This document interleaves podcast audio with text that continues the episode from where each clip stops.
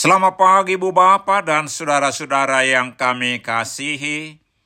Kami dari Yayasan Badan Kerjasama Marturia mengucapkan selamat beraktivitas hari ini di dalam penyertaan Tuhan kita Yesus Kristus.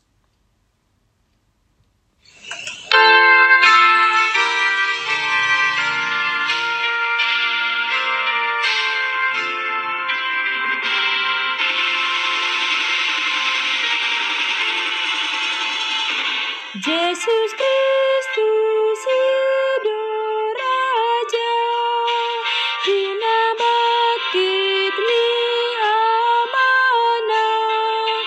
Manggung bumi sasudi Manggung bumi sasudi. Jalan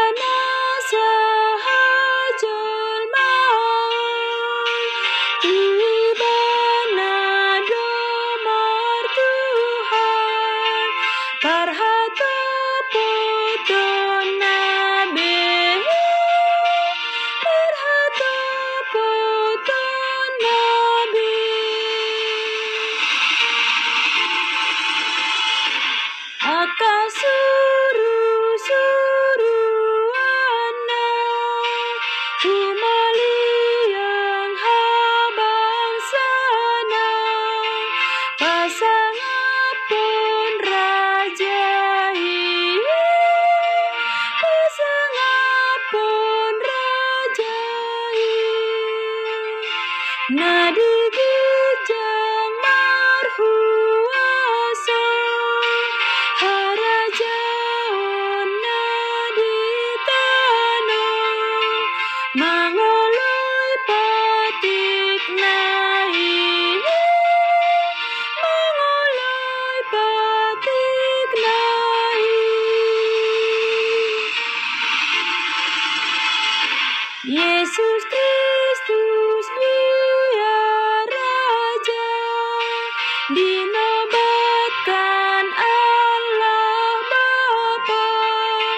Raja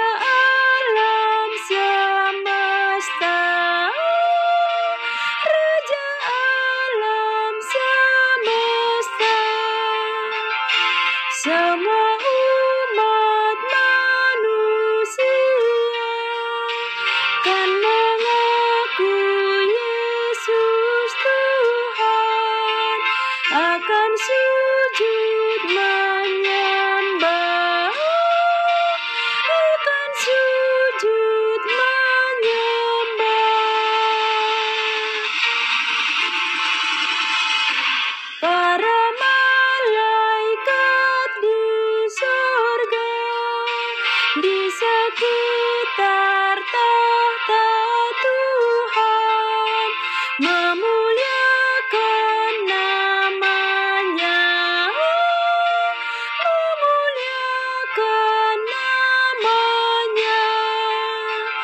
dan segala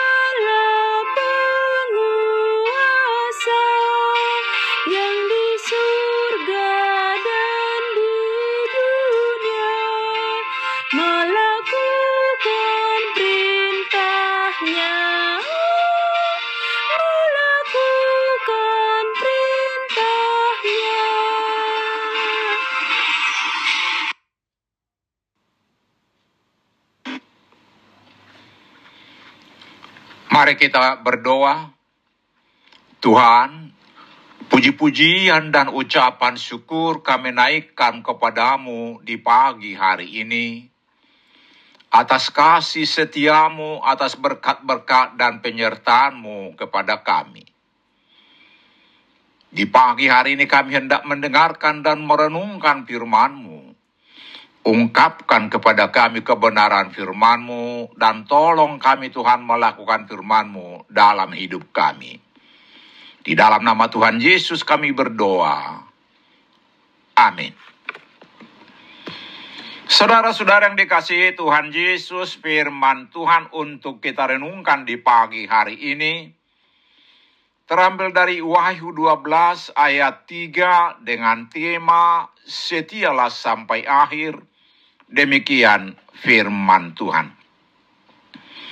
Maka tampaklah suatu tanda yang lain di langit, dan lihatlah seekor naga merah padam yang besar berkepala tujuh dan bertanduk sepuluh, dan di atas kepalanya ada tujuh mahkota. Saudara-saudara yang dikasihi Tuhan Yesus, ini tanda kedua dari tujuh tanda penting yang diberitakan dalam bab kitab Wahyu ini. Di ayat 9 dinyatakan bahwa naga besar itu adalah si ular tua yang disebut iblis atau satan yang menyesatkan seluruh dunia. Tampilan naga dengan tujuh kepala dan sepuluh tanduk serta tujuh mahkota melingkar seperti bandana atau ikat kepala di kepalanya. Itu menggambarkan kekuasaan iblis yang besar, roh yang sangat kuat dan sangat jahat yang hidup untuk membunuh dan menipu umat manusia yang menyebabkan kesengsaraan besar. Merah padam menggambarkan kehausannya akan darah untuk membinasakan manusia dan dunia.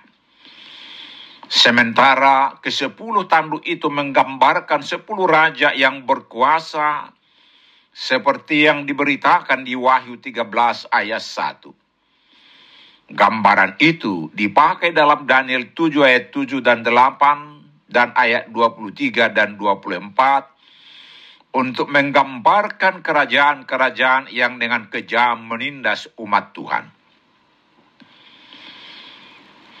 Ayat ini mengingatkan orang percaya masa kini untuk mewaspadai kehadiran iblis yang berusaha menindas orang percaya melalui para pemimpin dunia yang membenci Tuhan Yesus, yang pikirannya telah dibutakan ilah zaman sehingga tidak melihat cahaya Injil tentang kemuliaan Kristus. 2 Korintus 4 ayat 4. Semakin mendekati akhir zaman, kuasa iblis berupa antikristus akan semakin merajalela, menyebarkan kebohongan untuk menjerumuskan manusia, juga semakin kuat menyiksa orang-orang percaya. Saudara-saudara yang dikasihi Tuhan Yesus, di keadaan seperti itulah Yesus menuntut kita agar tetap setia bertahan dalam iman sampai akhir zaman sebagai tanda kesungguhan iman kita kepada Tuhan Yesus. Karena pada akhirnya naga itu akan dihancurkan oleh Tuhan Yesus secara permanen ayat 9.